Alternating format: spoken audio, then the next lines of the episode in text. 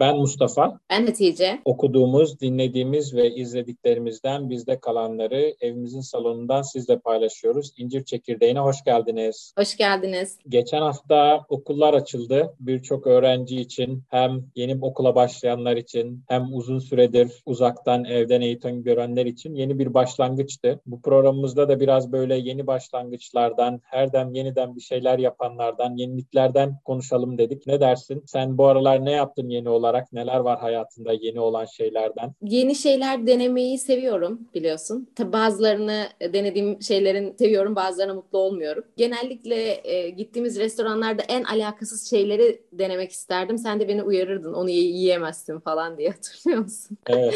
Farklarından. Israrla denemek isterdim ve çoğunlukla sen haklı çıkardın. Daha önce deneyip tadına baktığın için. Her her yenilikte iyi sonuç vermiyor tabii ki. Onlar da bir öğrenme yaratıyor hayatımızda. Eğer hep denediğimiz şeyler kötü sonuç verdiyse yeni şeyler denemekten çekiniyoruz biraz e, ilerlediğimiz yaşlarda. Burada öğrenmeler ve kültür de etkili. Ama ben hala pes etmedim galiba. Ne düşünüyorsun sen de benim yenilikle olan ilişkimle ilgili? Evet inatla benim deneme dediğim şeyleri denemeye devam edebiliyorsun. O yüzden e, yeniliğe karşı büyük bir sende şevk ve arzu var. Yani o konuda yeni yeniliklerden korkmadığını rahatlıkla söyleyebilirim. Söyleyebilirsin. Ee, yani işte yeni olarak bu aralar e, dün aşure yaptım ilk defa hayatımda.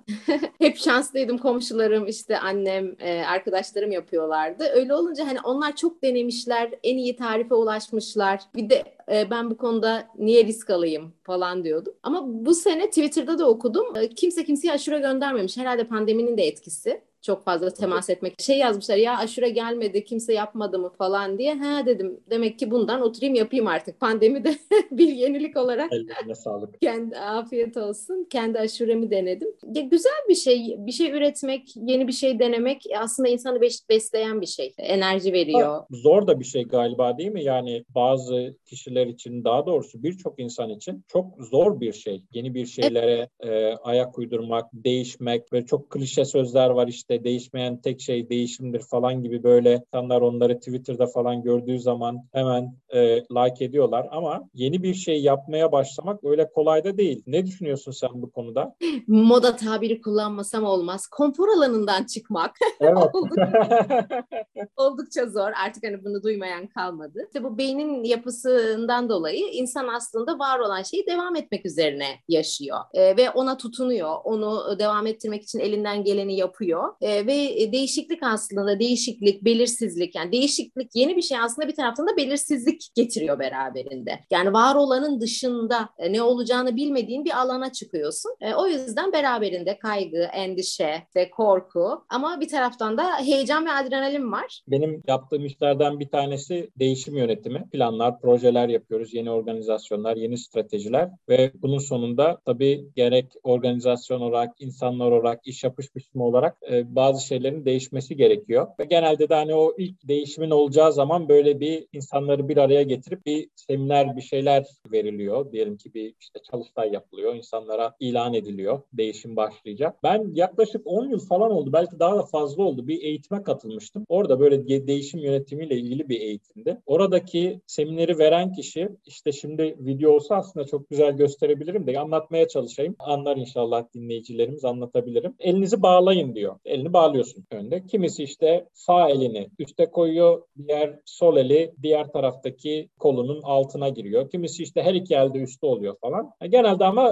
e, bir kişinin e, işte sağ eli üstte, sol eli o çapraz olarak önünde bağladığında diğerinin altında oluyor. Dedi ki işte o zamanki semineri veren kişi şimdi dedi bunun dedi tam tersini yapın. Dedim sağ eliniz üstteyse alta koyun, sol eliniz alttaysa üste koyun. Nasıl hissediyorsunuz dedi. Ve e, herkes tabii şey dedi garip hissediyoruz yaşıyoruz dedi. Yani değişim öyle bir şey. Yenilik öyle bir şey. Garip hissediyorsun. Ama bir taraftan da bir ilginç bir şey. Yani böyle bir hani bunu aslında gösterebilsem çok güzel olur ama bunu yaptığında böyle aa farklı bir şey ya. Benim hiç de daha önce yapmadığım hani benim el bağlama şeklim bu değil onu görüyorsun. Onu farklı yaptığında da evet bu da ilginçmiş falan oluyorsun yani. Değişmek, yenilik öyle bir şey galiba. Evet e, kesinlikle ve bunu hani büyürken tabii ki her e, insan gibi hani kişinin bireysel yatkınlıkları kadar içinde bulunduğu aile, kültür, toplum anlayışı da bunu e, etkiliyor biliyorsun. Hani bizim yeni bir şey deneme, hata hataya izin vermek de etkili aslında yeni bir şey denemek için. Yani hata yapmaya daha olumlu bakan kültürlerde biraz daha yeni şeyler denemeye açık oluyor insanlar. Ama hata yapmaya izin yoksa hani hata yapmaktansa hiç yapmamayı tercih ediyor insanlar. E, bununla ilgili hani bu konuyla ilgili Malcolm Gladwell'in bütün kitaplarını önerebilirim aslında.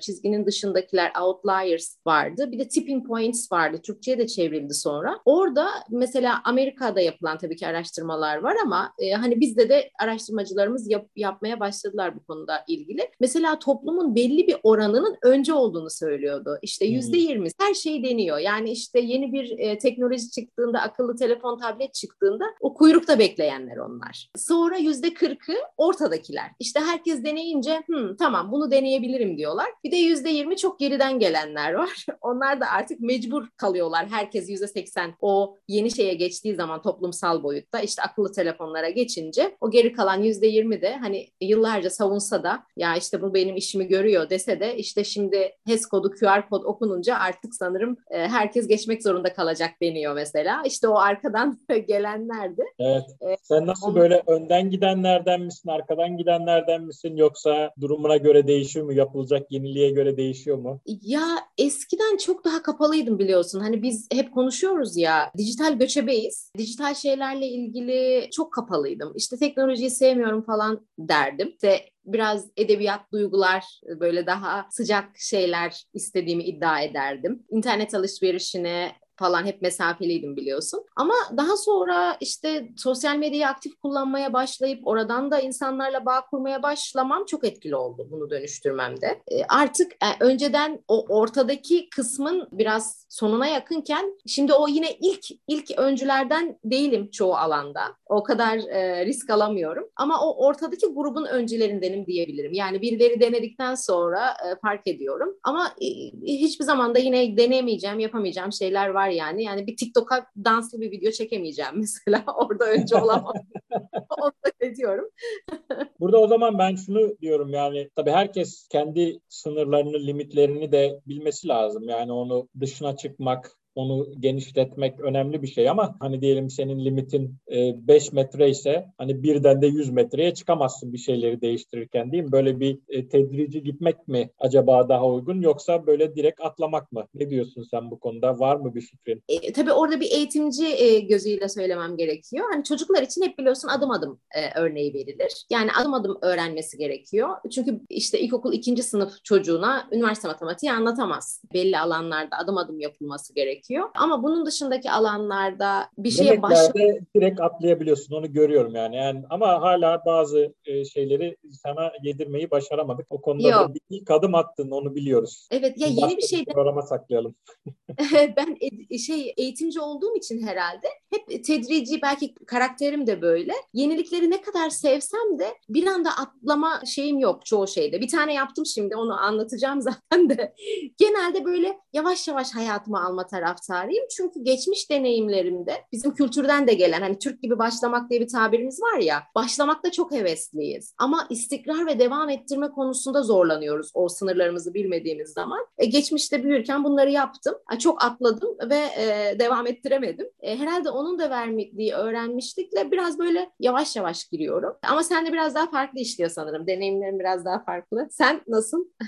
ya bazı konularda eğer ki büyük şeyde yenilik yapacaksan ben biraz daha böyle direkt içine dalmayı seviyorum herhalde. Diyelim ki denize girerken kıyıdan mı girersin yoksa iskeleden gidip atlayıp e, buz gibi suya e, dalar mısın? Ben biraz böyle iskeleden gidip e, Jos diye Atlayan sulardan, serin sulara, kızgın kumlardan serin sulara atlamayı sevenlerdenim. Ama her şeyde değil tabii. Bu galiba böyle hani böyle bir yenilik, yeni bir şey denemeye hazır olduğunda onun içine direkt atlamayı seviyorum. Mesela Covid zamanında birkaç şeyi fark ettim. Bizim işte ofiste ilk aşı olan benmişim. Ardından e, Suudi Arabistan'a e, seyahat açılmıştı. İlk giden bendim falan. Böyle hani bazı şeyler ya bu yapılacak, yapılması lazım. Bu yenilik, bu değişiklik yapılması lazım diye kafamda ona karar verdiğimde direkt atlamayı seviyorum. Ama oraya Hı. gelişim tabii kolay olmuyor. Mesela bugün işte yeni bir şeye başladım. Uzun süredir düşünüyordum ya bir e, bu su sporlarından falan bir şeyler yapsam diye. Bugün ilk defa bu belki de yeni başlangıçların da ilhamıyla jet ski'ye bindim. Bayağı da hoşuma gitti. Ama işte bunu yıllardır aklımdaydı yapmamıştım. Bugün böyle yaptım mesela. Hani ama genelde ben biraz hani karar verince hadi bakalım bunu yapacağız, e, yapalım tarzı bir insanım. Şey, karar verme süreci uzun ama hareket e, kararı verdikten sonra harekete geçme hızlı gibi anladım söylediğinden. Evet, hani bir Hı-hı. şey vardı ya e, galiba Alman mıyım acaba bu bu durumda ben Alman kültürü gibi.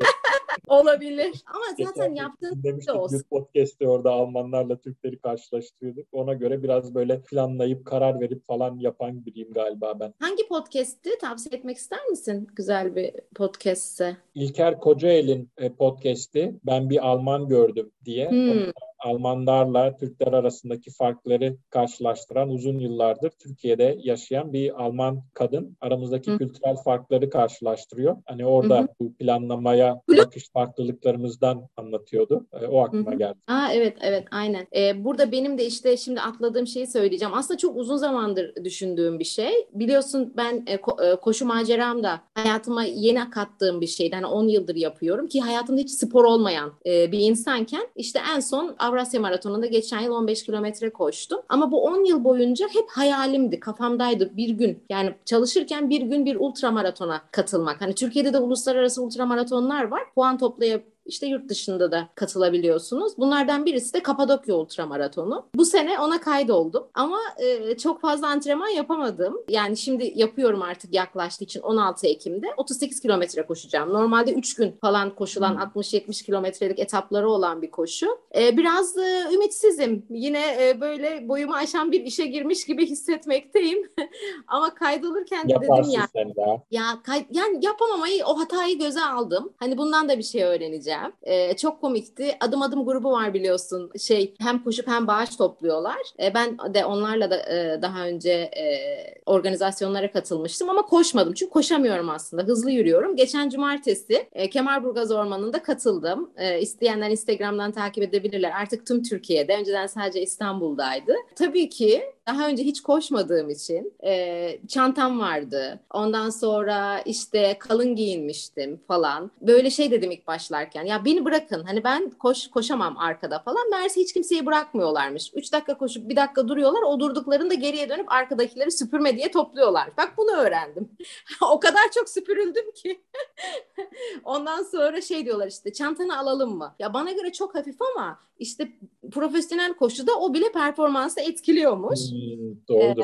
Ee, hani yeni bir şey denediğinde hata yapmayı göze alıyorsun, rezil olmayı göze alıyorsun, en arkada kalmayı göze alıyorsun. Hoca biraz şey yaptı bana. Ya dedi daha düşük kilometresi yok muydu? Bazı maratonlarda işte 15-22 de oluyor. Hani benim performansımı görünce ya 38'e yazılmasaydın iyi olurdu dedi ama dedim en kötü düşüyor oydu. Bakalım yani elimden geleni yapmakla sorumluyum. Sonuç bakalım ne çıkacak. Kesinlikle farklı güzel bir yenilik. Bu arada e, biz de bu sene bu dönemde podcast'imizde bazı yenilikler yapmayı düşünüyoruz. Ondan da bahsedelim mi? Biraz Tabii da zamanımız olmak üzere. Ee, ben mi anlatayım? Sen söyle. Tamam hadi ben söyleyeyim o zaman dinleyicilerimizle. Şimdi hem uzaktan podcast çekebilmeyi becerdik sonunda. Bunu denemiştik, yapamamıştık daha önce. Belki ses kalitesinde biraz ufak problem varsa aflarına sığınıyoruz ama bunu da çözeceğiz yakında ama uzaktan işte farklı yerlerde olduğumuzda da e, farklı yerlerdeki evlerimizin salonundan size ulaşabiliyor. Evet. Bir de şöyle bir yenilik yapmayı planlıyoruz. O da evimize konuk alacağız ve podcast'imize konuk alacağız. Evimizin salonunda ağırlayacağız hem dostlarımızı hem bizim podcast'imize katılmak isteyenleri. Ayda bir diye planlıyoruz. Her 4-5 bölümde bir ve bir konuğumuz olacak. Evimizin salonuna geleceğiz. Hem onu, hem onu misafir edeceğiz evimizde hem de podcast'imize e, misafir etmiş olacağız. Böyle bir şey yapalım diyorum. Evet, e, çok heyecanlıyım ben de bu konuyla ilgili. E, her insan ayrı bir dünya, ayrı bir zenginlik. Gerçekten çok kıymetli dostlarımız var, e, arkadaşlarımız var. Onlarla e, böyle sohbet edeceğiz. Ben de heyecanlıyım bu konuyla ilgili nasıl olacağı konusunda. Bir yenilik. Hata evet. yapmak var. Sosyal medyadan bize konuk olmak isteyen dinleyicilerimiz varsa yazsınlar mı sana evet, ve bana? Evet, e, tabii ki hem kendileri konuk olmak isteyen hem de bizim podcast'imizde görmek istedikleri e, birileri varsa e, biz de o kişilere ulaşmaya çalışacağız. Bu şekilde e, hem katılmak isteyenler hem görmek istedikleri isimleri yazarlarsa biz de bununla ilgili çalışmalar yaparız. Tamam. Evet sanırım süremizin sonuna doğru da geldik. Bugün e, burada bitirelim. Ah bir şey sana daha mı söylemek istiyorsun? Canım. Bir daha var. Biliyorsun e, ülkemizde e, çok fazla doğal afetler oldu. İşte yangındır, seldir ve orada biz çok üzüldük. Hani elimizden bir şeyler gelsin yapalım diye düşündük. Ve bu da aslında hani bizim değiştirmek istediğimiz şeylerden birisi. Yani sadece bir şey olduğunda değil. Genel olarak aslında sivil toplumun içerisinde yer almalı, gönüllü faaliyetlerde bulunmalıyız diye hep konuşuyoruz. Ve hani hep dediğimiz şey şu hani yaptığımız şey neyse onu iyi yapmak aslında. Ee, burada düşünürken de biliyorsun ben aynı zamanda çocuk kitapları, e, yazarlığı, editörlüğü ve telif hakları satışı yapıyorum. Yayın evi e, var çalıştığım. E, onlarla beraber bir proje yaptık. Çocuk kitapları e, hediye ediyoruz. Her eve sınıf ve sınıfa da dönüştü. Katılan öğretmenlerimiz oldu bu kampanyaya ve sınıflarına kütüphane kurduklarını söylediler. E, okul öncesi döneme daha çok hitap ediyor resimli kitaplarımız ve e, kampanya başlattık. Her hafta 15 eve ya da sınıfa beşli kitap seti gönderiyoruz. Devam edecek kampanyamız. Bu da beni çok mutlu etti. Çok fazla katılım oldu. Katılımla ilgili şartımız da bir yorum koymalarıydı e, Instagram'da postun altına. İlk haftanın sorusu ilk çocuk kitapları var idi. İkinci hafta şimdi yeni başladık. E, sorusu okullar açılınca ben. O kadar güzel yorumlar geliyor ki e, yani böyle de bir yenilik oldu benim için de bir yenilikti. Çekiliş yapmayı çok istemedim. Dedim bir etkileşim olsun. Kitap e, sever insanlarla bir kez daha buluşmuş olduk. Bu yeni deneyim de beni çok mutlu etti. Devam edeceğiz. Evet çok çok güzel bir etkinlik, çok güzel bir aktivite. Ee, çok e, senin zaten duyarlı olduğun bir konu. Güzel şekilde devam eder. Ee, burada da hep konuşuyorduk ya evlerde kütüphane olması çok etkili falan evet, değil mi? Aynen, aynen. Onun önemli olduğunda bahsetmiştik daha önceki işte bırakınız okunlar, bırakınız yazsınlar birkaç farklı e, bölümümüzde. Onunla ilgili biz de bir aksiyon almış olduk. Almış aldık evet. Evet oldu çok çok güzel oldu bence bugünkü bölümümüzde. Umarım dinleyicilerimiz de aynı şekilde beğenirler bu bölümümüzü. Herkese iyi günler dileyelim. İyi günler. Görüşmek dileğiyle.